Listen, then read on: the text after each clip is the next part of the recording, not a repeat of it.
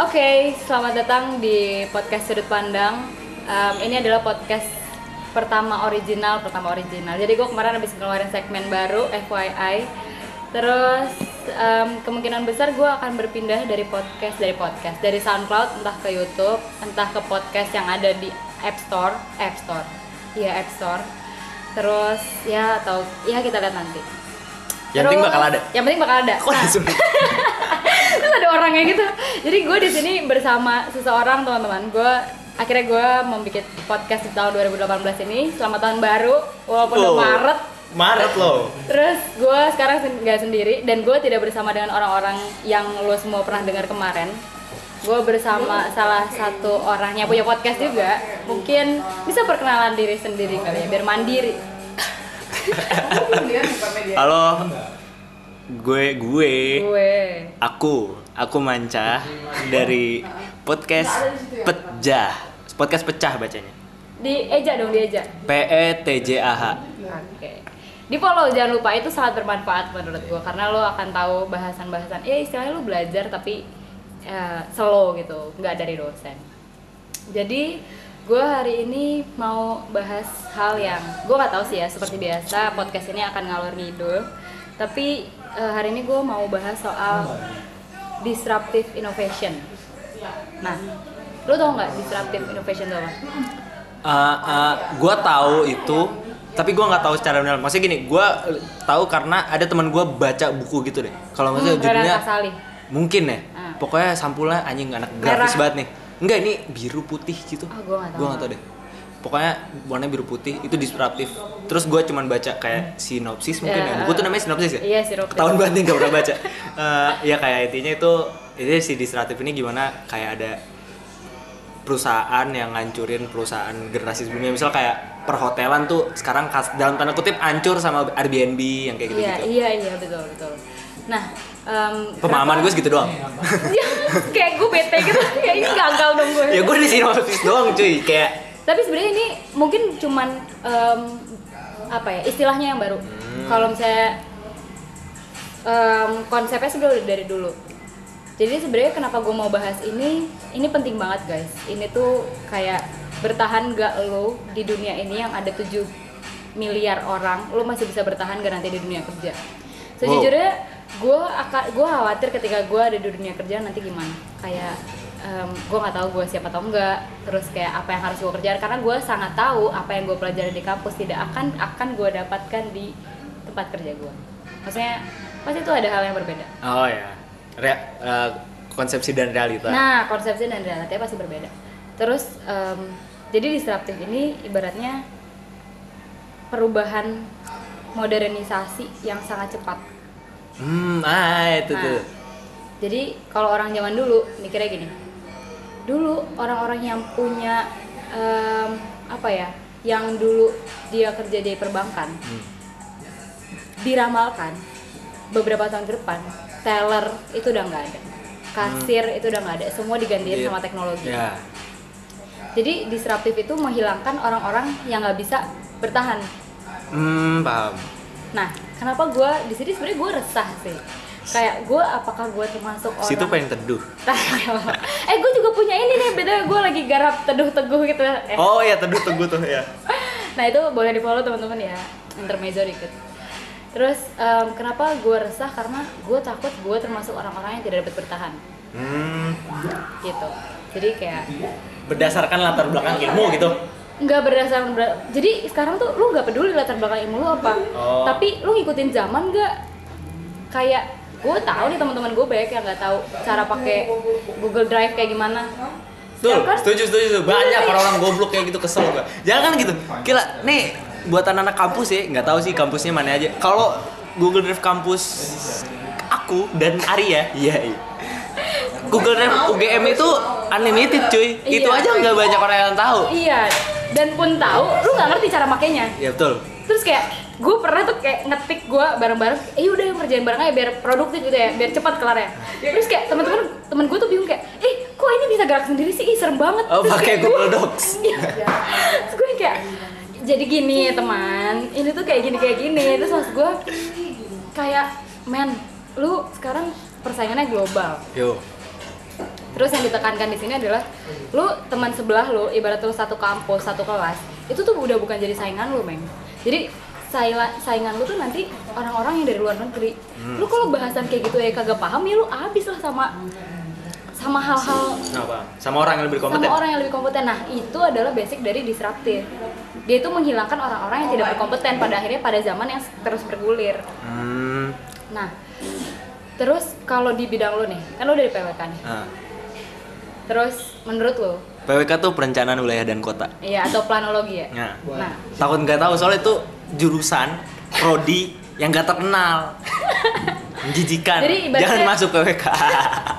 harus bayar ntar kalau gak ada yang gak ada nata kota dan lain-lain loh. Yang penting nata keluarga lah. Iya, Iya. males banget gua. Gua juga kayak kita akan melipir ke keluarga-keluarga gitu. Terus Jadi apa gimana, bahasannya, bahasannya tuh lebih ke karir, keluarga, masa depan. Siap. Sangat Jadi- positif sekali podcast iya ini. dong. Terus jadi menurut lo, lo ketika lulus, lo punya bayangan gak sih? Lo akan bertahan di dunia karir lo dan gimana cara lo bertahan dan dunia kerja lo di bidang lo nanti kayak gimana? Ah, kalau bertahan ya, anjir ini sombong tapi gue merasa iya gue merasa bertahan. Karena gini, nggak ada ada ada backgroundnya. Oke, gue secara keilmuan gue nggak tahu caranya gimana gue bertahan. Maksudnya secara keilmuan PWK gitu, perencanaan kota.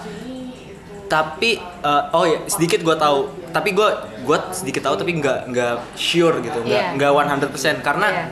karena gini. eh, ka- eh, ya lu tau kan eh, nantinya itu menurut data 2050 uh, akan lebih banyak orang yang tinggal di kota dibandingkan di Yes, desa gitu. betul. Which is kalau kotanya nggak ditata, hancur semuanya. Iya, benar. Dan kita ya gimana tuh kotanya hancur? Ibaratnya semua kota nanti jadi kayak Jakarta gitu. Contoh misalnya hancur gitu. ya iya gitu kan Jakarta ya gitu. Nah maksud gua ya dari situ tuh gua tapi gua nggak 100% persen mungkin nanti akan ada suatu teknologi yang bisa Ah. secara otomatis kalau penduduknya segini nanti gini-gini mungkin Ah. gitu tapi kenapa yang gue make sure kenapa gue bisa bertahan gini semakin yang gue tahu adalah semakin advance manusia itu semakin menghargai seni Oh gitu. nah kebetulan kebetulan gue nih bisa seni bukan seni banget sih maksudnya ya paling nggak gue bisa grafis design Oke. which is itu mbak grafik design tuh Gue bentar, bentar. Sebelum jawab sana, gue tadi agak tertarik sama semakin advance orang, semakin artistik. semakin menghargai seni semakin menghargai Bukan seni. semakin artistik, Oke, semakin menghargai seni. menghargai seni. Kenapa?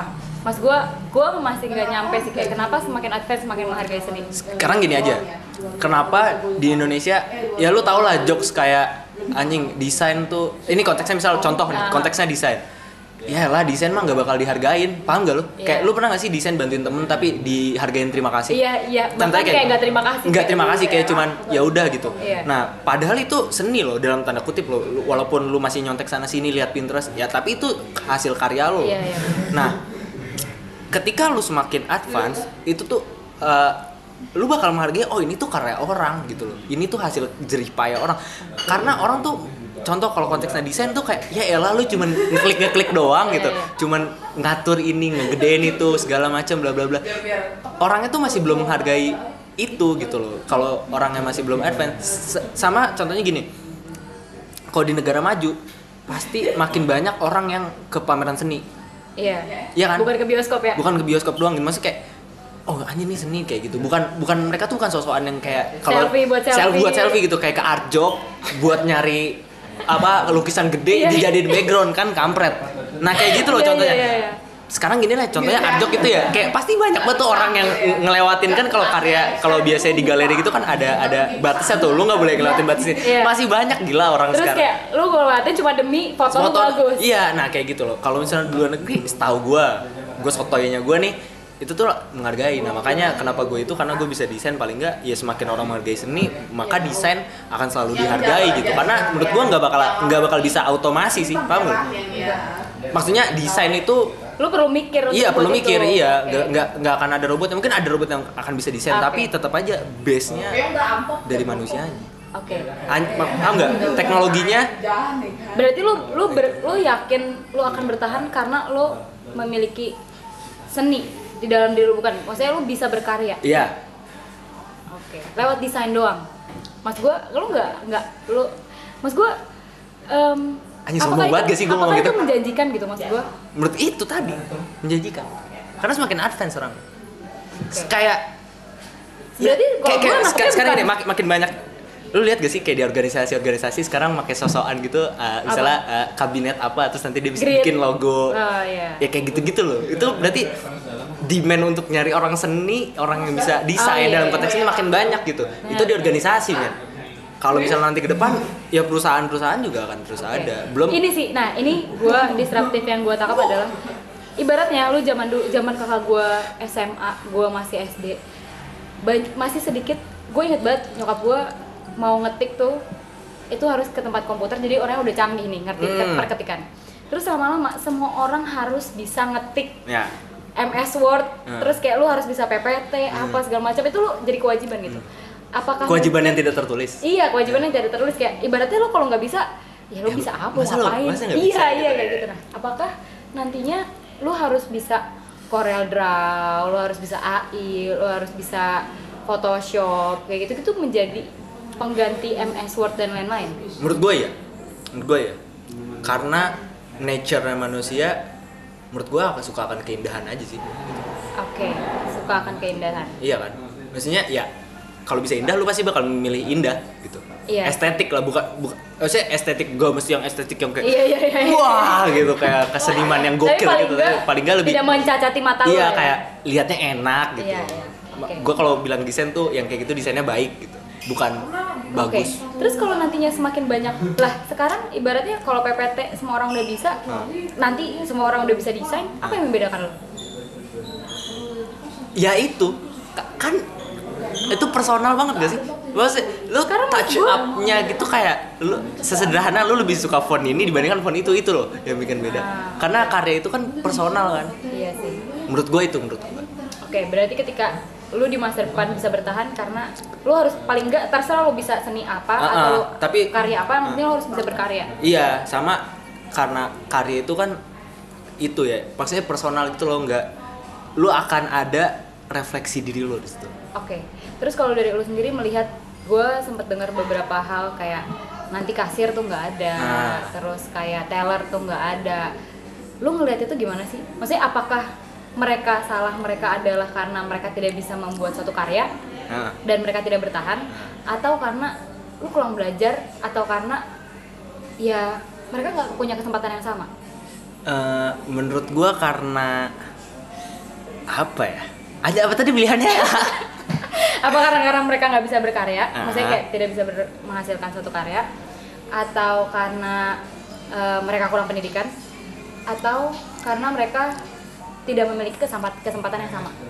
Kalau menurut gue lebih karena ini sih mereka eh, akses ya apa ya? Akses terhadap itunya kurang gitu. Maksudnya dia menurut gue orang yang akan akan akan terbuka pikirannya bukan akan terdestruktif itu yang akan Ah, tergantikan itu. ah. Menurut gue cenderung lebih banyak yang dia nggak sadar kalau dia akan kayak gitu.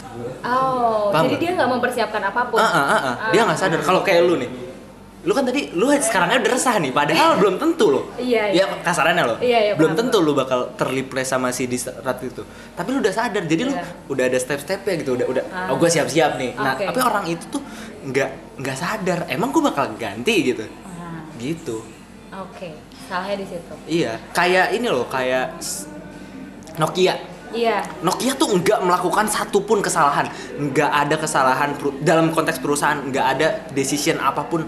Maksudnya nggak nggak salah apa apa dia nggak pernah bikin produk yang terlalu gagal apa gimana. Produknya dulu sangat dicintai di seluruh dunia. Iya, betul. Tapi tiba-tiba anjing sekarang lu denger Nokia apa? Sekarang sekarang jadi perusahaan yang cuma bikin HP lama jadi Iya. rasa baru. Pisang, aja. pisang, pisang, pisang, pisang, terus iya, tiga tiga sepuluh gitu gitu Bener, aja. bener, bener, bener, Dia bener. dia karena dia nggak sadar menurut gua sih. oke oke benar nah Nah, gue nggak tahu deh faktor sadar apa itu. Faktornya banyak sih, bisa pendidikan, karena ya itu tadi dia belum terbuka mungkin ya. Sama- atau karena lo terlalu nyaman kayak iya. dan gue yakin kali ya kayak Ah, iya. Enggak kok, orang gue bener-bener aja gitu. Iya, Bisa iya. jadi sih itu ya. terlalu nyaman ya kayak iya oke oke oke benar.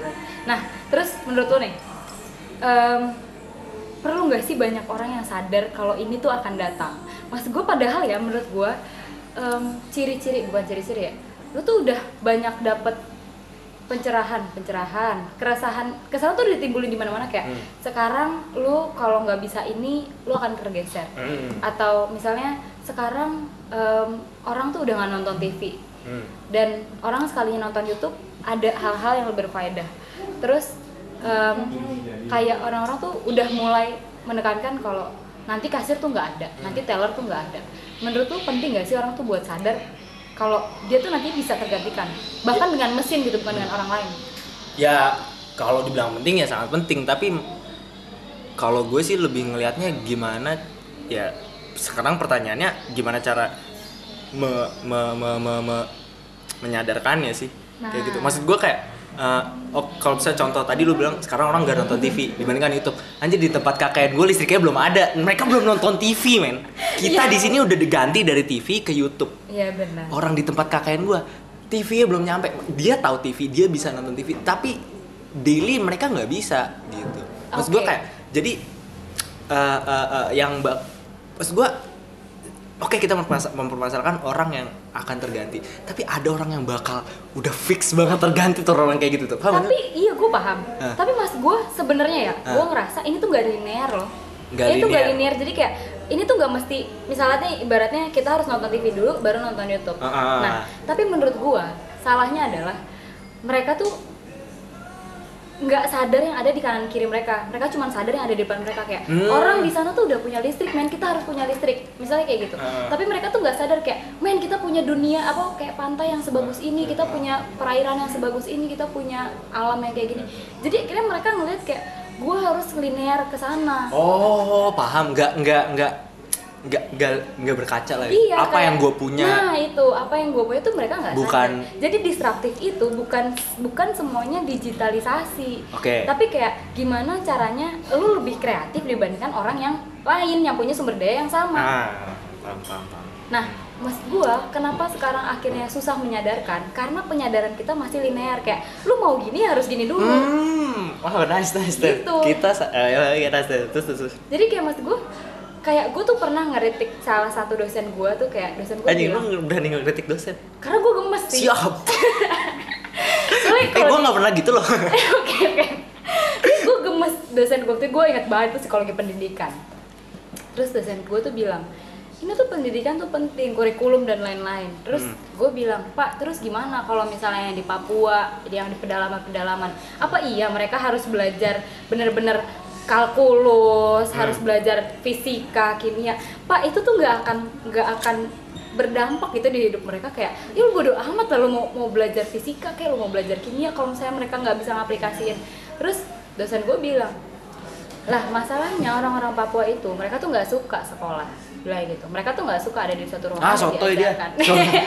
kesel ah, gemes sih gue tapi gue Enggak sih, gua sebenarnya gua contohnya kakak gue selalu diseneng aja ke sekolah. nah tapi dosen gue bilang gitu mereka tuh lebih suka ke hutan terus gue bilang Damn, what the fuck terus? terus gue gue antara gue yakin dosen gue itu memantik Siap. At- Oh, jadi atau bukan- bukan- bukan statement. bukan statement atau memang statement tapi gue yakin dosen gue pinter lah nggak mungkin dia langsung bikin Enggak enggak statement. sesempit itu. nggak sesempet itu nah terus gue angkat tangan lagi pak maaf menanggapi gue bilang Siap. terus gue bilang gini tapi pak sebenarnya yang salah tuh sistemnya kalau misalnya semua di Indonesia tahu udah tahu kita beragam kenapa sistem pendidikannya nggak disesuaikan potensi alam yang ada di sana jadi mas gue kalau misalnya lu di Papua ya lu diajarin lah lu SMK kehutanan ke lu Siapa? tahu Tuhan kehut apa kayak batang-batang apa yang bisa dijual, batang-batang apa yang bisa Ah. diapain dan menurut mereka itu lebih menarik dan ada penelitian psikologi kalau misalnya sesuatu yang lo lakukan pakai pakai badan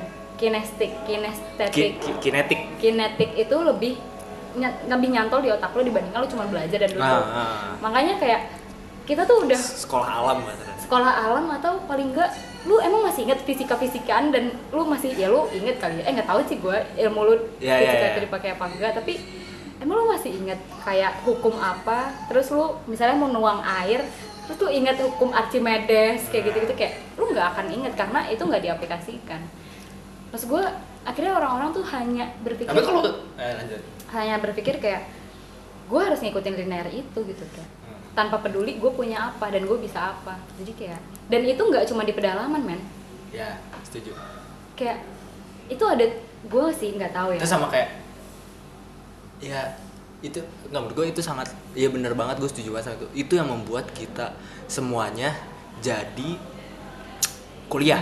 Yes agree karena mikirnya ya bener emang tujuan nggak apa-apa. Menurut gue kalau lu tujuan kuliah tuh kerja menurut gue suci nggak apa-apa loh. Itu hak hak dia. Iya. tapi maksud gue ya, sekarang pertanyaannya apakah pekerjaan lu Sesuai. harus kuliah? Iya iya benar benar gitu. kalau pekerjaan lu nggak perlu kuliah ngapain buang-buang waktu buang-buang duit? Terus nanti pikirannya tuh linearnya gitu di zaman sekarang. Iya. kayak lu SD, SMP, SMP, SMA, kuliah, kerja atau nikah. Udah lu hidupnya gitu doang, kira lu nggak terbuka gitu kayak. Dan ini tuh gue sih ada beberapa teman-teman gue yang gue lihat. Ya gue yakin sih lo semua punya teman-teman kayak gini yang mereka belajar nggak peduli apa yang harus diasah. Yang diasah cuma di otaknya doang. Dan menurut gue men lu akan ketinggalan jauh loh. Kayak orang-orang di luar sana tuh lebih pandangannya tuh udah nggak cuma soal akademik doang. Ya oke akademik penting. Tapi kalau misalnya lo nggak bisa mengaplikasikan apa pun dari akademik lo lo bisa apa kayak gue khawatirnya sih kayak ya gue harap sih orang-orang yang kayak gitu dan mendengarkan podcast gue jadi kayak mikir siap. kayak gue bakal digantikan nih berarti gue bisa apa? Entah lo berkarya menurut gue dengan lo bikin puisi dengan lo berkarya dengan arsitektur entah lo berkarya dengan kimia kimiawi lo itu Iya. asalkan lo tahu esensi lo kuliah ngapain. Ada ada belajar. ada ada ada sentuhan. Nggak nggak nggak cuman teori terus kayak iya benar benar. gue yang kayak eh, gimana sih lo nice nice nice, nice. dalam nih anjir nih podcast gue nih harusnya wah tai lah lo dong harus membawanya tuh bisa set set set gitu dong iya gue harus belajar Ini udah berapa menit btw Dua, dua. Oke, nah terus gue mau bahas ini. Itu kan masalah pribadi ya. nah Nah, mas gue pribadi adalah ketika lo belum berkeluarga. Nah, em, yang gue khawatirkan adalah ketika lo udah ternya udah terlalu nyaman dengan karir lo dan lo sustain itu nanti dengan segala karya lo. Dan ketika lo udah menikah, kan lo nggak cuma mikirin soal karya lo doang. ah, Dan ah, punya ada- tanggung jawab lain. ada tanggung jawab Nah, lu gimana tuh? Mas gue tekanan kita nantinya sebagai orang tua kelak pasti banyak banget men. Kayak dari kerjaan lo harus tetap ah, tetap apa ya? Tetap manjat gitu lo biar lo gak ketinggalan. Tapi di satu sisi lo harus nungguin keluarga lo dulu nih. hmm, ngemong Nge- ngemong, ngemong ngemong ngemong. Ngemong. ngemong Nah, gitu mas gue, lu gimana nih ngeliat ngeliat itu semua? Keluarga lu nih dengan keadaan perubahan secepat ini, lu pengen nanti keluarga lu kayak gimana sih? kayak gue lah cik nggak gue Iya kalau misalnya uh, uh, uh, keluarga gue keluarga gue dalam konteks ini nantinya keluarga inti ya, maksudnya kayak gue istri dan anak, Iya. bukan Iya yang iyalah, melebar. iyalah nenek kakek lu di bawah. Iya, kalau yang keluarga gue Ini apa bahasanya tuh? apa tuh? eh, Ada. Nuclear family. Nah itu, itu sudah, itu sudah. Eh, kalau itu sih ya gue gimana caranya? Ya paling nggak dalam, anjir ini dalam banget gue nggak tahu.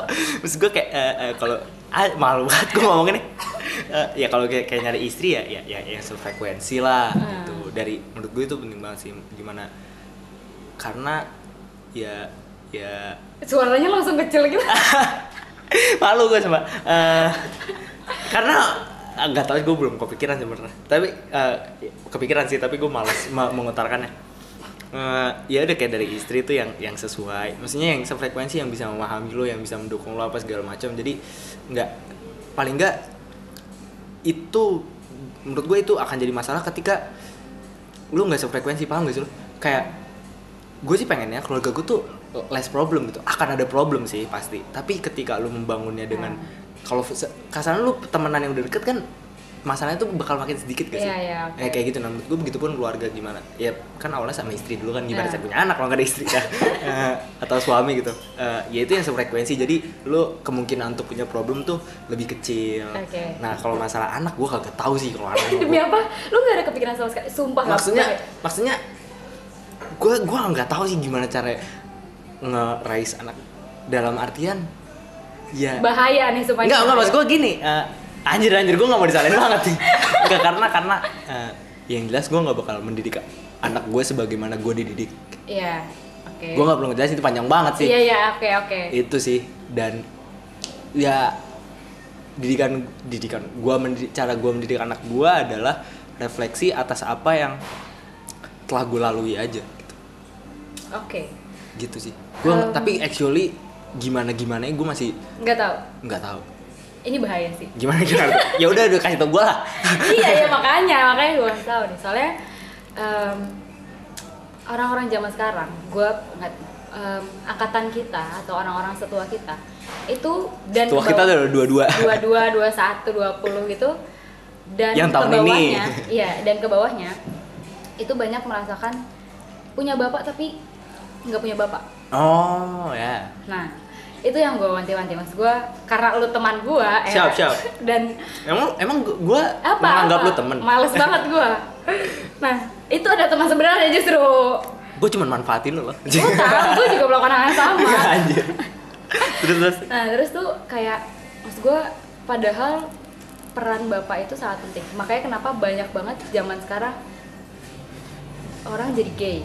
Ya karena dia nggak punya sosok main di rumah jadi kayak lu pulang cuman ngasih nafkah terus lu tidur lu bangun anak lu udah pergi lu pulang anak lu udah tidur. Ya eh, oke. kalau kon eh, ntar lu lanjut lagi ya. Gue mau ini apa eh, feedback. Ya, oke, kalau itu sih salah satu yang akan gue nggak bakal gitu. Maksudnya karena gue dididik gue dididik seperti itu. Ah itu itu. Kan tadi gue bilang gue akan melakukan gue akan mendidik anak gue tidak, seperti, gue dididik. Iya, oke. salah satunya itu. Nah, kedua, gue kemarin tuh ambil eh, konseling anak men, konseling anak dan remaja. Lu cara ngomong lu ke anak, gue gue sampai sekarang aja kadang tuh masih bingung kayak, ini anak bocah gue mau ngasih tahu gimana ya caranya ya? Maksudnya kayak jewer Iya, nah itu tuh yang kayak gitu-gitu kayak akhirnya tuh mematikan kreativitas mereka kayak lu kalau misalnya ngelihat anak-anak nyoret-nyoret tuh kayak ya udah sih biarin aja gitu kayak ya itu dunia mereka gitu Hmm. kayak kalau ketika lu dilarang dia akan melakukan hal yang sama ke temannya. Kalau temannya ada yang gitu dia yang jewer temennya. Itu. jadi Iya, paham, paham, anak lu jadi rebel. Iya, rebel. Nah, kenapa menurut gua orang-orang yang sudah berkomitmen ingin berkeluarga itu harus belajar psikologis em, atau konseling anak atau apa karena lo yang akan mengkonseling anak lo gitu loh dan sebenarnya harta paling berharga menurut gua anak karena lah kalau kata lagu kan keluarga harta yang Ya, enggak, gua paling berharga Karena- adalah keluarga. Eh, ada ini ya? Ada ulang ini ya? Film baru ya nggak sih? Dibikin baru kan? Iya, Pak. keluarga cemara? Iya anjir. Nggak tahu gue, gue yang nggak tahu. main Ringo Oh, iya. Ringo siapa namanya? Tinggu Agus Rahman. Eh Ringo Agus Rahman sama Nirina Zubir. Oh. Ah, jadi internet lanjut lanjut, lanjut. Nah aduh gue lupa aja. Apa sih gue ngomong apa? Ini apa? Apa sih? Ya tadi yang ngejewer-jewer itu loh yang ngelarang-larang. Dunia punya anak punya dunia sendiri. Iya anak punya duit sendiri. Jadi kayak lu semua tuh harus ngerti psikologi anak. Jadi gue lupa nih basi banget gue nggak bisa dipotong-potong gini. Terus tuh pokoknya maksud gue em, yang gue tahu semua permasalahan itu awalnya pasti dari keluarga. Hmm ya.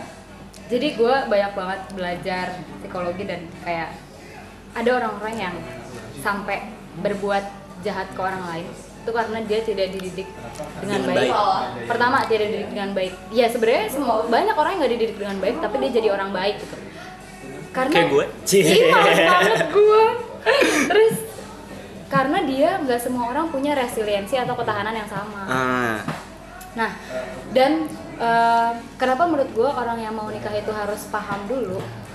Oh iya nih, gue ingat, gue ingat, gue tuh muter-muter kayak, eh tadi gue mau ngomong apa ya? Jadi. Jadi, Ketinget. oh gini, kenapa menurut gue anak adalah harta paling berharga? Karena yang bisa lu turunkan selama nanti lu udah jadi tanah, berlebur dengan tanah, cuma keturunan lu men. wow Kalau misalnya harta itu akan hilang tapi kalau misalnya lu punya keturunan yang baik keturunan lu bisa bikin keturunan yang baik itu tetap keturunan lu men oh ya kalau nanti keturunan lu yang jadi pemimpin itu keturunan lu gitu jadi apa pun yang lu bentuk dalam keluarga itu sangat penting. It- apa yang lu bentuk dalam lu nge-shape anak lu kayak apa itu sangat penting. Kayak gitu sih jadi kayak ya hati-hati sih. Nah terus gue mau nanya. em, Eh tapi kalau kalau ngomongin kayak gue gue jadi mau nanya nih. Anjir jadi ja- ja- jadi jadi gue yang meng- menghancurkan podcast ini. Boleh, boleh. Ya, tadi kan kayak membentuk gitu Eh, kayak contohnya yang tadi gue mau nanya ini karena lu tadi nyontohin terkait eh, memberikan kebebasan untuk anak Iya. dan tanda kutip kayak tadi yang nyoret-nyoret nggak usah dilarang apa segala macam nah yang jadi yang jadi pertanyaan gue adalah sebebas apa sih batasnya itu apa jadi Gini, pak menurut gue akan ada batas pasti, pasti, Nah, itu. pasti selalu ada batas. Jadi gini, em, kenapa makanya gue bilang semua orang harus belajar psikologi sebelum mereka menikah? ya Paling nggak ibunya dah. Oke Soalnya- oke gue jangan anak psikologi aja deh iya gitu Ya, maksud gue bapaknya juga perlu. Jadi ada yang namanya em, di psikologi perkembangan itu ada usia-usia yang lo punya em, apa ya namanya pekerjaan, pekerjaan, fungsi usia lo. Maksud apa ya? Gue lupa bahasanya. Tahapan usia. Ah. Jadi 0 sampai 3 tahun itu harus Oh, diapain, oh, iya, iya, iya. 3 sampai 7 tahun harus diapain, 7 sampai 12, 12 sampai berapa sampai berapa. Jadi kebutuhannya tuh beda-beda. Hmm. Jadi ada orang anak nih umur kalau gue nggak salah 3 sampai 7 tahun. Kalau lu bohong, dia akan menjadi orang yang nggak percaya sama orang lain. Hmm. Karena dia mistrust. Karena dia ngerasa dia nggak disayang sama orang tuanya. Lu kalau udah bohong sama anak lu di umur segitu, lu nggak akan dipercaya sama anak lu. wow Sejauh itu. Wow oke Karena kalau di agama gue pun golden age itu umur 7 tahun. nah Nah, kayak gitu mas gue Oh paham jadi eh, oh, eh, gini, Batasannya- batasannya itu tergantung fungsi usianya tadi. Iya, Oke. uh-uh. tergantung tahapan usianya. Iya tahapan usianya. Nah untuk tahu itu belajar psikologi anak. Iya, betul, betul. Paham, paham, paham, paham, paham, paham, tahu. paham. Makanya kayak gitu. Nah, terus gue mau nanya nih. Em, kan tadi kita bahas disruption, terus kayak apakah lo harus em, berusaha mengejar atau bertahan. Kalau misalnya nih, pasti di dunia nanti ada yang namanya istri kerja, itu akan B aja ya. Ah, is- istri bekerja Ah. itu akan B aja maksudnya kayak ya udah itu fine gitu bahkan jadi bapak rumah tangga nantinya akan menjadi suatu Baik. hal yang Ah. biasa nah menurut lu gimana tuh soal istri lu yang bekerja dan setelah gua tadi kasih bayangan anak tuh segitunya ah gimana? Gua nggak paham pertanyaannya. Ah, gini kan tadi kita bahas soal anak Ah, seberapa ah, pentingnya terus? lu ngasuh anak seberapa Ah. pentingnya peran orang tua terutama ibu Ah. tapi ketika nanti lu ter- menghadapi kenyataan dan ternyata istri lu memilih untuk bekerja lu gimana Istri gue bekerja, gue gimana? Iya, Maksudnya gue lu lu menanggapi Gua- gua- itu gimana? Maksudnya enggak konteksnya gue bekerja atau gue tidak bekerja? bekerja. Gue bekerja juga nih. Iya, lu bekerja juga. Oke, jadi gue bekerja, istri gue minta gua, dia mau bekerja. Iya, benar. Ah, Karena gue mulai melihat cewek-cewek itu mulai nyaman dengan sebuah pekerjaan. Oh, paham, paham. Kalau anjir itu juga gue nggak tahu sih sebenarnya. Tapi eh, eh, eh, eh, eh, yang yang jadi ini gue eh, concern gue adalah ya pertama ya, ya kan gue bukan mendiskreditkan wanita, tapi kan kepala keluarga tetap cowok. Iya. Tapi gue gue sebagai kepala keluarga gue mau tahu dulu nih lu kenapa mesti kerja apa segala macam dan bagaimana lu mempertanggungjawabkan. Gue concern juga sih masalah anak tadi maksudnya kayak eh, gue nggak tahu tapi gue pengen anak gue baik-baik aja gitu paham gak sih? Iya, Cuman gue iya. nggak tahu caranya masih belajar cie Iya. alasan Bagus, mulu bagus. nggak Bagus, terus gue gue pengen menanyakan kalau lu kerja gimana tanggung jawab lu ke anak anak kita gitu bagaimana lu mendidiknya bukan bukan berarti gue nggak mau jadi part of it Iya. I want to be part of mendidik anak tapi yang dalam tanda kutip seharusnya tuh kan istri nah sekarang gimana kalau lu kerja tanggung jawab lu ke dalam mendidik anak tuh Oke. gimana Oke, ya itu sih yang jadi mencari alasannya dulu ya. iya iya itu sih Terus kayak terus eh, nanti jalan keluarnya gimana nih? Ah, ah, ah, gimana? ah, Terus ah, keluarga kita gimana? ah, ah, ah, ah. Oke.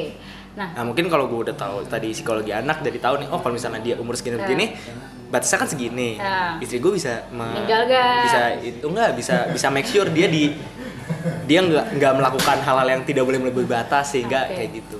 Gitu sih. Nah, terus ini sih, gue mau bahas ini soal keluarga. Lu tahu Richie Gal lah pasti ya? Ya, Rich Brian, Rich Brian ya dia udah ganti nama. Terus kakaknya siapa? Sonia Rika. Sonia Erika. Nah, lu tahu gak sih keluarga mereka? Itu uh, apa school home homeschool. Homeschooling. School home. Nah, homeschooling bahkan setahu gue mereka cuman sekolah formal sampai SD apa ya? Enggak, uh, cuma kakaknya. Jadi Cuma kakaknya SD mereka ya? mereka tuh berempat. Jadi di atas, gue lupa sih pokoknya intinya yang anak pertama itu Iya. formal. Oke. Yang tiga sisanya tuh nggak formal. Nah, itu. Terus tadi kan kita bahas kayak linear soal linear kayak MSSD, SMA, Oh, iya, iya, SMA. iya. Dan kayak ya lu nggak mau dong anak lu buta akan semua hal karena cuma ngeliat ke depan Hmm. nah lu menanggapi itu gimana apakah lu akan menyuruh anak lu memper, menyekolahkan anak lu lu harus SD SMP SMA kuliah Nah, atau lu mulai membuka pikiran terserah lu maunya apa yang penting lu concern di sana kalau gue sih sampai sekarang, sampai detik ini gitu Ya. aja. Eh, kan ke depan gak ada yang tahu. Cik, gitu. Eh, Kalau eh, eh, eh, kalau gue sih, menurut gue eh, pendidikan formal dasar tuh penting. SD SMP. SD SMP Iya, menurut Kenapa? gue itu penting karena ya yang jadi concern gue bahwa gue takut kalau misalnya dia nggak nggak nggak nggak pendidikan formal gitu dia jadi nggak tahu society-nya gimana kayak paling nggak dia harus tahu oh kalau SD tuh ya teman Hmm. tapi kan punya lu bisa teman-teman. bikin society itu di lingkungan tetangga lo menurut gue kurang kalau kurang kurang ini loh kurang multikultur kurang Oke. kurang paham gak sih kayak kalau di SD kan dia dilepas dalam tanda kutip dilepas ya kalau Iya. di kelas ya ya ya udah gitu dia Iya. dia bakal berteman sama temannya dia Ah, bakal ah, punya ah. konflik sama temennya gitu Iya, iya. nah maksud gue itu penting re- realita-realita kayak gitu nah sampai SMP itu baru deh kan dia paling nggak udah udah mulai punya udah mulai punya interest Iya. to something apa segala macam lalu Ah, baru ah. itu bisa didiskusikan ketika itu ditanyain masih kecil sih menurut gua kurang Hmm. kurang etis aja sih menurut gua. Kayak dia juga belum tahu loh maunya apa. Oke oke. Sehingga biar gimana cara dia tahu ya udah lu dikenalin semuanya. Itu sih yang bakal gue lakukan yang jelas. Oh. kayak kenalan kayak musik tuh gini. Kayak gua nih bego banget nih gua musik. Nggak bisa main alat musik kan. Gue bukan nyalain orang tua emang gua juga nggak mau belajar. Ta- tapi maksud gua kayak orang tua gua kurang memberikan gua akses terhadap belajar musik gitu loh Hmm. paham nggak kayak ya gua bakal ngelain dia ke musik olahraga apa segala macam Oke. yang yang bi yang gua tahu apa segala macam jadi dia preferensinya banyak sekarang lu tinggal pilih dia lu mau jadi ngapain gitu Oke, terus kalau misalnya lo ngelihat anak bocah Hmm. zaman sekarang, Hmm. gimana sih? Gua sih, nih kalau dari pandangan gua, gua agak agak khawatir. Em, apa ya? Ya, gua khawatirnya kayak mereka attitude-nya kurang, empatinya kurang, terus kayak kemanusiaannya kurang, jadi lebih kayak robot gitu loh gua ngeliatnya. Nah, gue tuh kayak khawatir anak gue gimana ya nanti kayak gue harus gimana biar anak gue tuh tidak menjadi robot dan mengikuti sistem doang dan memakai hati dan otaknya nggak cuma otak doang. Lu ngelihatnya anak zaman sekarang gimana sih dan korelasinya sama anak lu nanti gimana? Nah, nah, sulit deh sulitnya. Anjing kok dalam banget sih nih podcastnya. Podcast gue nggak gini loh. Lu dengerin podcast gue lah, nggak dalam-dalam gini. Lo justru jangan Ya, ya. dalam-dalam gini. Siap, siap, siap.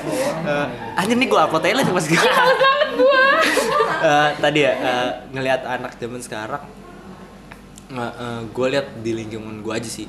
Maksudnya ya, ya di lingkungan gue di sama ini deh lu bandingin sama anak superiori yang Ah, ah. kemarin ke superiori. kalau gue sih liatnya itu efek teknologi banget sih. Itu karena beda banget loh anak di superiori sama anak di lingkungan rumah gue kasarannya gitu. Karena ya anak di sana makanya tadi gue gak setuju banget bisa lah dosen lu bilang kayak gitu kayak dia mereka malas belajar kayak kucing anjir. Orang sana tuh seneng banget gitu dikasih ha- hal-hal baru kayak gitu loh. Karena mereka masih fokus gitu loh kayak Hmm. dis- distraksinya tuh kurang banget. Kalau sekarang kayak ya bocah SD mungkin udah punya Instagram kali ya? Iya men. nah ya gue kayak kayak kayak gitu. Dan itu kan banyak banget hal-hal ya itu sih kan teknologi bermata dua kan. Sebenarnya baiknya tuh bisa banget jadi Hmm. baik. Maksudnya influence baiknya bisa tapi masalahnya jarang yang ngelihat influence bad influence nya gitu loh dari teknologi itu. Itu sih. Oke. jadi kalau misalnya refleksi gue terhadap itu ya gimana caranya gue tetap membatasi Membatasi. membatasi teknologi itu gimana caranya ya gue tapi gue nggak tahu sih gimana kamu lu kayak gue yakin anak itu tuh pinter kamu lu pinter bohong lah kayak apa gak sih kayak kayak dia bakal gimana caranya curi-curi gitu Iya, iya. Iya, Itu. iya kayak kita bocah Iya kayak kita bocah kan. ya pasti pasti nyuri-nyuri lah Iya, kayak iya, iya. kayak kalau cowok eh, nggak nonton bokep anjing di sekolah bisa nonton bokep tuh gitu gitu loh maksud gue Iya, iya paham gue. Iya, iya. Pasti akan ada seribu jalan menuju Roma. nah itu itu, itu. bener bener bener tapi kayak ini sih sama gue sih lebih menitik beratkan ke empati terus manusia yang sekarang udah bukan manusia ya itu nah teknologi juga gitu maksud gue kayak kan sesederhana ya lu jadi nggak berkomunikasi kan yes kalau misalnya ada Agree. teknologi nah kalau yang di superior itu konteksnya sumpah anak sana ya berantem sih jadinya masih kayak kalau ada apa-apa mereka jadi Ribut. ribut gitu tapi menurut gua kayak tapi sekarang gini orang ribut karena karena karena ada komunikasi yang real. Sampai ribut fisik tuh sampai komunikasi real. Kalau Iya. cuman sosmed mah anjing lu ada nyinyirin nyinyiran doang kagak bakal ada ributnya gitu. Ntar kalau udah ketemu diem dieman iya iya gitu. berani. Iya nah kalau maksud gua kenapa? Jadi bahkan untuk hal sederhana komunikasi dengan kurangnya teknologi tuh orang jadi benar-benar kenal jadi benar-benar Iya. tahu gitu sih. Nah, apakah menurut lo terkadang gue sempat mikir gini, em, apakah ketidakadaan teknologi terkadang itu lebih baik? Mas gue, apakah lo berpikiran anak gue akan gue sekolahin di pedalaman biar mereka nggak kenal dulu sama teknologi? wah damn Atau lo lebih kayak I know how to handle it and ya lo nggak akan ngirim ke sana kayak udah cukup di rumah dan gue tahu gimana cara menangani. itu ah, itu balik lagi ke orang orang tua maksud gue gini ya gue kecil bandel. Maksudnya kayak nyari selalu nyari celah apa segala macam karena gue tahu orang tua gue tuh nggak paham. Oke, benar, benar. kau ya sesederhana sesederhana orang tua tuh orang tua gue nggak nggak tahu tuh. Misalnya buka bokep tuh sekarang bisa pakai VPN lah kasar bokep kan di blok gitu. Iya. sekarang gue tahu nih cara VPN itu kan biar bisa buka bokep nah anjing nih kotor banget ya. Tapi maksud gue kayak kalau orang tuanya paham kan paham gitu loh. Jadi kayak ya cara kalau jadi konteks- orang jadi orang tua harus pinter ya? Iya, jelas. lebih pinter daripada lebih pinter anak dari anaknya. Karena da, kalau lu berbohong kan lu dua kali kan. Maksudnya dua kali dalam artian pertama lu harus tahu realitanya Iya. dan kedua harus memutar realitanya iya itu. dan anak lu nanti tahu kalau bohong lu Ah, sih, ah, ah, gitu. terus akhirnya lu jadi nggak percaya kayak emang bener sini dah gue lebih pinter Ya, gitu kayak istilahnya ah, gitu kan ah, kasarnya Iya, gitu ya. bener, bener, bener. Hmm. Kayak ya lu ngeliat anak kecil yang bohongnya receh banget terus anjir lu ngapain kayak gitu? Gua tahu kalau bohong. gitu." terus kayak gue paling bete gitu kalau kecil kayak mandi nggak nanti kalau nggak mandi ditangkap poli ditangkap polisi loh kayak gue kayak gue nggak sebodoh itu main walaupun gue masih kecil. Iya. nah itu sih makanya lu jadi orang tua emang nggak bisa bohong. Kalau misalnya lu nggak tahu jawab nggak tahu. Nggak Ah. usah so tau so tau gitu. Terus ini terakhir sih. Ini udah berapa menit 42. oke terakhir. Em, menurut lu eh, lu nonton Black Mirror? Nah, nah hatam, iya. hatam. oke hatam gue sebenarnya nggak nonton sih tapi gue tahu Songong gitu lu nanya Nah. gua nonton apa enggak? Iya mas gue, Iya, iya, ya iya. at least tahu lah, Ya, lu lebih siap, siap, siap, siap, siap, siap, Nah, siap. em, menurut lu apa yang membedakan seorang manusia sama apa tuh namanya robot, teknologi, kayak gitu kayak gitu? Ya tadi, Apa? hati, empati. Oke. menurut nggak tahu sih ya nanti advance teknologi itu sampai gimana Iya, iya. paham sih lu kayak advance teknologi itu sampai apa Mung- mungkin nanti bisa kali ya robot punya hati dalam tanda kutip Iya. ya tapi Tapi bisa nggak mas gue? Apakah empati bisa mengalahkan teknologi artificial intelligence itu? ya bisa tuh sek- sederhana gini dulu pernah kalau nggak salah Microsoft deh Microsoft itu bikin bot Hmm. Iya, bot itu bukan jadi bot itu dia bikin semacam uh, artificial intelligence tapi di Ba- bahasa yang bahasa, bukan bukan Facebook ya? bukan Oh. gue kayaknya Microsoft deh gue lupa pokoknya intinya artificial intelligence itu dipakai buat Twitter Oke. paham gak lu jadi dipasang ke jadi kasarannya dipasang terus dia dibikinin akun Twitter Ha-ha. jadi dia bisa nge-tweet sendiri Iya paham. anjing dan, dan itu yang terjadi adalah dia tuh belajar semuanya paham sih? Hmm. kayak dia dia belajar tuh dari Twitter gimana manusia berkomunikasi apa segala macam. Dia belajar men. Iya, dia iya. belajar sampai awalnya tuh kayak cuman halo gue gue siapa segala macam. Sampai yang akhirnya dia mempertanyakan kayak kayak hal-hal kayak hmm, eh, lu tuh dia kan bertanya, lu tuh sebenarnya lebih pinter gak sih dari gua? Gitu. Ada orang yang nge-tweet kat- eh, nge-mention dia eh, ya gua nggak lebih pinter dari eh, gua nggak lebih pinter dari lu. Terus beberapa menit kemudian beberapa jam kemudian beberapa hari kemudian dia di, ada orang yang nanya kayak gitu lagi dia kayak gue lebih pinter dari lu padahal lu yang bikin gua paham gak sih dia jadi lebih pinter Oh, paham Dia kayak jadi paham kayak iya pak dia dia jadi, jadi punya pengertian. Iya, jadi dia paham kalau dia tuh udah jauh lebih pintar daripada Nah. orang yang membuatnya dia. Iya, oke. Gara-gara itu Twitter di delete. Oh iya, Iya. Serem banget ya. itu sih mas gue. Kayak anjir, ya dia bakal lebih pintar lah dari kita orang dia Iya belajar men, iya. 24 maksud gua- jam. Iya, nah kita masih goler-goleran. itu itu kan ketika kita belajar apa berpikir advance ya, Ah. berpikir jauh gitu. Nah kalau misalnya harusnya kita udah sadar sih Ah. gua. Kayak lu nggak usah belajar pinter-pinter kalau lu nggak punya empati men. Ya, Ini gak sih kayak lu belajar sepinter apa pun teknologi itu bisa belajar dalam waktu hari dan lu harus belajar bertahun-tahun. iya. Sedangkan empati lu dia mau belajar gimana Heeh. nah Udah. Tapi- Pun kalau bisa diprogram kan empati tuh suasana banget gitu. Maksudnya Iya. kayak, kayak dinamis gitu. Iya. Kalau program kan nggak tahu sih program bisa dinamis kan nggak paham gue. gue nggak tahu sih ke depannya Nah. gimana tapi mas gue em, lu gimana itu kan idealnya ya Nah, lu ngelihat realitanya sekarang gimana Nah, nih sedangkan apa kayak manusia apakah su- sudah memiliki empati yang cukup untuk bertahan mengalahkan teknologi ya enggak lah. nah Kenapa? Ya bisa dilihat sosial media kita ketai semua isinya. Coba ada ada orang keren yang bikin video tentang gimana manusia. Jadi dia eh, eh, eh, dia bikin video meng- melive-kan komentar-komentar Oh, di oh, sosial media. Jadi nonton. jadi kayak intinya kan misalnya di sosial media kalau ini di Amerika sih kayak misalnya ah tai lo muslim gitu. Iya. Misalnya gitu. Nah, itu kan di komentar Iya. sama dia dibikin videonya. Jadi kayak ada orang pakai hijab atau mukanya rada muslim gitu, digituin. oh di Jadi- depan umum di, di jalan depan, di gitu. depan umum jadi kameranya dari jauh. ah. Nggak nggak dia orang jadi kayak orang yang komen itu jadi real Iya jadi real kasarannya Oh. gitu beneran kayak Alah lo muslim kayak gini-gini Woi lu gay ngapain Jadi ada beberapa ada yang Ah. di cafe tuh ngomongin gay Terus ada orang yang freak gitu, nerd gitu Terus Ah. dikatain secara langsung kayak gitu Terus di situ kelihatan bahwa manusia tuh masih punya empati Maksud gua kalau real itu Ah. manusia sangat berempati Itu tuh sampai orangnya diusir tuh yang gay itu Yang dia Hmm. di cafe ngatain gay diusir kayak wah lo lu mau keluar aja keluar sampai Ah. beneran ditarik keluar kayak gitu sampai kalau yang muslim tiba-tiba ada anak yang lebih kecil dari yang cewek ce- yang muslim tuh dika, cewek tuh pokoknya orangnya Nah, terus ada anak kecil lihat kayak ngeliatin anjir kok gini nih orang gitu Iya, dia kayak, iya, kayak bingung iya. gitu kan terus woi lu ngapain kayak gini Hmm. terus katain iya dia tuh muslim lu ngapain belain muslim terus gue juga muslim padahal dia belum tentu pokoknya intinya di video itu bilang kalau hal yang kita lakukan di sosial media itu sangat amat buruk Iya. bahkan kita tuh ketika itu terjadi jadi real real kita nggak bisa menerimanya Oke, oke. Nah, menurut lu terus harus gimana, men?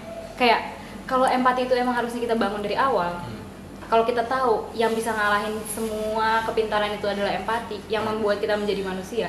Sedangkan sekarang realitanya kayak gini, terus menurut lu harus gimana?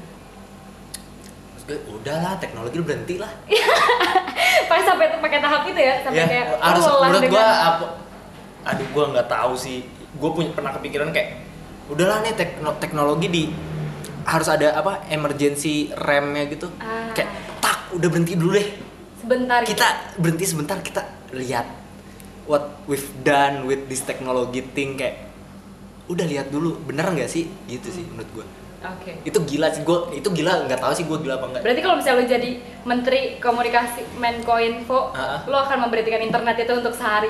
Iya. Ya mungkin gua tuh. gua gua nggak tahu sih Oke. gimana nanti realita penerapannya kalau gua jadi main komik. Tapi yang jelas menurut gua ya harusnya Tapi ya sebenarnya gua- menurut gua itu bisa dilakukan dengan dengan cara-cara ya, kayak tadi Mas, bikin gua- video yang Iya. ini loh kita tuh udah udah sehancur ini loh. Ini Tapi kita gue ini ya, ini aduh gak jadi terakhir nih gue. Jadi gue tadi banget nih, tadi banget. Gue tuh, em, ini gue nggak bermaksud sombong sih, gue agak miris aja. Jadi gue tadi sarapan, Eh. terus kayak gue jalan gitu kan, terus kayak ada, gue nggak tahu sih bapaknya tuh pengemis atau apa, tapi yang pasti dia jalan pakai kaki men, diseret. jalan pakai kaki iya. Eh salah maksud gue, jalan pakai tangan, jalan pakai tangan. Jadi sepatunya tuh udah udah bekas jahitan-jahitan gitu dan Oh, sesuatunya di tangan. sepatunya jadi tangannya pakai sen- pakai sendal Ah. terus kakinya kayak pakai sepatu tapi Oh iya iya. iya. gue nggak ngerti sih apakah kakinya berfungsi atau gimana dan itu posisinya jam 10 jam 9 itu rame Pagi. banget. Pagi dan itu jalannya jalan agak gede ada mobil ada motor. Motor sih mostly. Terus kayak mereka cuma lewat seng seng kayak nggak peduli banget nih orang gimana. Oh. Mas gue, apakah itu bener-bener cuman hanya di sosial media ataukah itu sudah tertanam gitu loh di kita kayak kita udah nggak punya rasa empati? Kayak jadi gue ada sih namanya bystander effect tapi kayak gue nggak ngerti. Sampai akhirnya gue gue ya udah gue karena gue masih tergerak alhamdulillahnya ya gue ngasih makanan gitu paling enggak kayak Nah, ini orang ya Allah ih gue gemes banget gitu loh kayak lu ngelihat dia di depan sana terus lu naik motor dan kayak cuma lewat bahkan yang jalan jalannya tuh kayak menjauh terus lu jalannya ke depan oh, gue yang kayak ini sebenarnya memang kita tuh udah bukan jadi manusia apa gimana sih Hmm. Ya, itu sih. Terus gue kayak ah, emang ya gue setuju. Maksudnya setuju dalam artian semakin ke sini kayak orang makin individualis. nah berarti gua harap gak gak gak gua harap sih gua rasa orang-orang yang semakin individualis akan kena dis- disruption nih. Wow. karena advance-nya nanti orang-orang yang bertahan adalah orang-orang yang pakai hati Siap. Wow, wow, wow. Tapi itu sama sama juga enggak kalau misalnya ya gue lihatnya itu sama aja kayak orang yang contoh nih misal ada orang yang ngerokok di ruang yang tidak merokok. yes Terus sama dia difoto instead of dia ngingetin, "Woi, Mas, Mbak, jangan ngerokok di sini nih." Deretan Eh, nggak boleh ngerokok. jadi orangnya ngerokok apa enggak Jadi si A ngerokok di ruang tidak yang nggak boleh. iya Si B nggak ngerokok nggak ngerokok nih dia bener-bener aja si B nih si B ngefoto dia terus masukin ke sosial media itu gua- itu orang paling tai iya gua. gua maksud nggak lu tuh lu bisa ingetin datang ngomong. Iya. Ya Allah. Lu datang mas. Ini daerah merokok siap. Positive thinking aja dulu mungkin dia nggak tahu itu daerah Iya, nggak eh, iya, nggak boleh bener. ngerokok di situ. Daripada lu upload sosial karena media. ya lu tahu nggak kenapa alasannya? Apa? karena itu instant gratification. Nah dem oke karena Dia- lu pengen diakui kalau lu benar dan ada SJW, orang yang SJW, salah SJW. iya terus kayak akhirnya wah ada bahan nih anjir gue bisa bilang bener dan Nice. gue dan gue bisa jadi kayak likes gue banyak nih terus kayak gue terkenal iya sih tai sih simple menurut as that man Semua tuh orang kayak gitu kayak anjing lu mati ya kenapa sih? Nah sih lu hidup, sumpah dah. Gue kesel sama orang kayak gitu. Gue gue sering ngatain temen, oh mati lu kalau goblok lu. Gue sakit. Gue kalau udah kesel sama orang gue kayak gitu ya lah. Sumpah. Tapi nyebelin banget. iya iya iya iya iya lu bisa datang ingetin mas ini ruang gak merokok kalau nggak kalau merokok karena kita luar." nggak terbiasa untuk berkomunikasi men Iya betul. betul. kayak kita terbiasa untuk mengingatkan lewat sosial media Iya, padahal mah ya elah likes apa likes untuk men, apa menyelamatkan Palestina tuh nggak guna. Iya. setuju gue setuju gue setuju gue itu sih kalau les untuk Palestina mungkin jauh banget tuh hal yang sederhana lu bisa lu datengin segala macam selesai masalah. Udah nggak usah terus ada- jadi kayak dia dianggap hero Iya. terus orang itu akhirnya dihujat padahal Iya, mungkin dia nggak padahal dia nggak tahu kan kita nggak tahu. Siapa tahu dia beneran gue pernah kok sumpah gue pernah ngerokok di tempat yang nggak boleh ngerokok. Literally karena gue nggak tahu. Karena lu tau gak apa? Tulisan dilarang merokoknya di atas kepala Iya, gue iya, iya. lu kayak gimana caranya lihat benda yang di atas kepala lu persis? Iya, gak iya. bakal kelihatan dong. Iya, iya, terus gue diingetin gitu sama ada ibu-ibu. Tapi dia nyolot sih rada marah. Tapi gue juga sadar gue salah. Ya udah gitu maksud gue iya dan itu merubah sesuatu. Iya kan gua selanjutnya gua bakal lebih aware. Paling gak gua kalau ke situ gua tahu daerah merokoknya Iya. di mana daerah Iya, nggak boleh benar. merokok Benar, kayak benar. gitu. Oke. Wah, gila. Menarik nih. Seneng gue soundcloud gila hampir sejam. Mantap. Eh, jadi gitu soundcloud gue hari ini. Jangan lupa dengerin soundcloudnya mancah di soundcloud.com slash tjah petjah pokoknya cari ya petjah di soundcloud Oke, P E T J A H di SoundCloud. Pejah. Ah, ah. Pejah atau pecah. Hmm. Lo mau ini gak ah, Instagram lo ke apa ke? Eh, nggak usah lah follower gua udah banyak Males, ya udah nggak usah. Nggak, Nggak usah, nggak usah. Enggak maksud gua ya udah gua lebih penting gua lebih senang dia dengerin SoundCloud gua nih. Kan Oke. dia dalam tanda kutip eh, si Pendengar. pendengar. Pendengarnya lebih dengerin SoundCloud gua dibandingkan Instagram. Karena Instagram gua sosok kaya gitu, sosok asik gitu gua anaknya. Karena semua orang di Instagram nggak- kaya, nggak- nggak ada yang miskin. Iya. Iya. Jadi gua gua ikut-ikutan aja sih. Ternyata gitu juga gua orangnya. Enggak maksud gua ya apa sih Instagram itu? Maksud gua kalau SoundCloud lu paling nggak bisa mengira-ngira gua orangnya kayak gimana. Ya oke oke oke. Ya secara pribadi lah ya, Iya, cuma le- ngeliat le- dari lebih visual. iya lebih perso- lebih personal. Oke, gitu teman-teman. Jadi em, gua harap ada yang lo petik dari SoundCloud gua hari ini. Kalau nggak ada petik gua. Cie. Eh, males gua.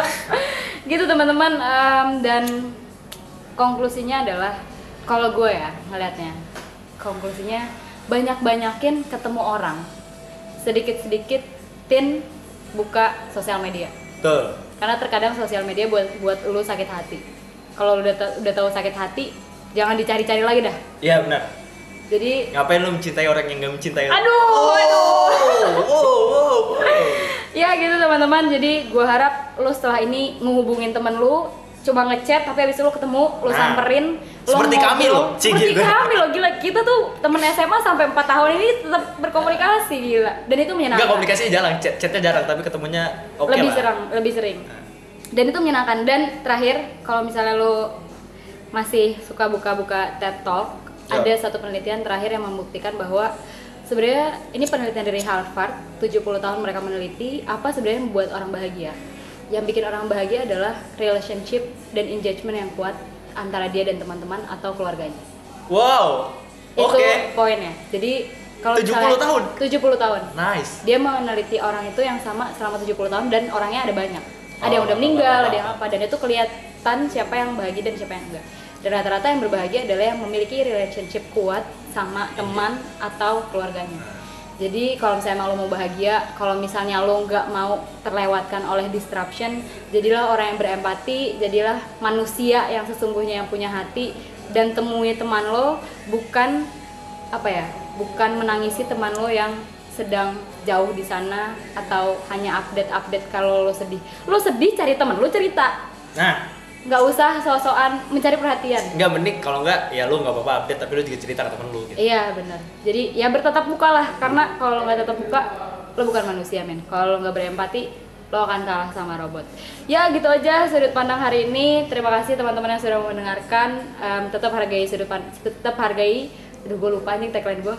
Tetap hargai pendapat orang lain karena orang lain punya sudut pandang yang berbeda. Gitu teman-teman. Yeay, selamat malam. Terima kasih. Dadah. Yeay.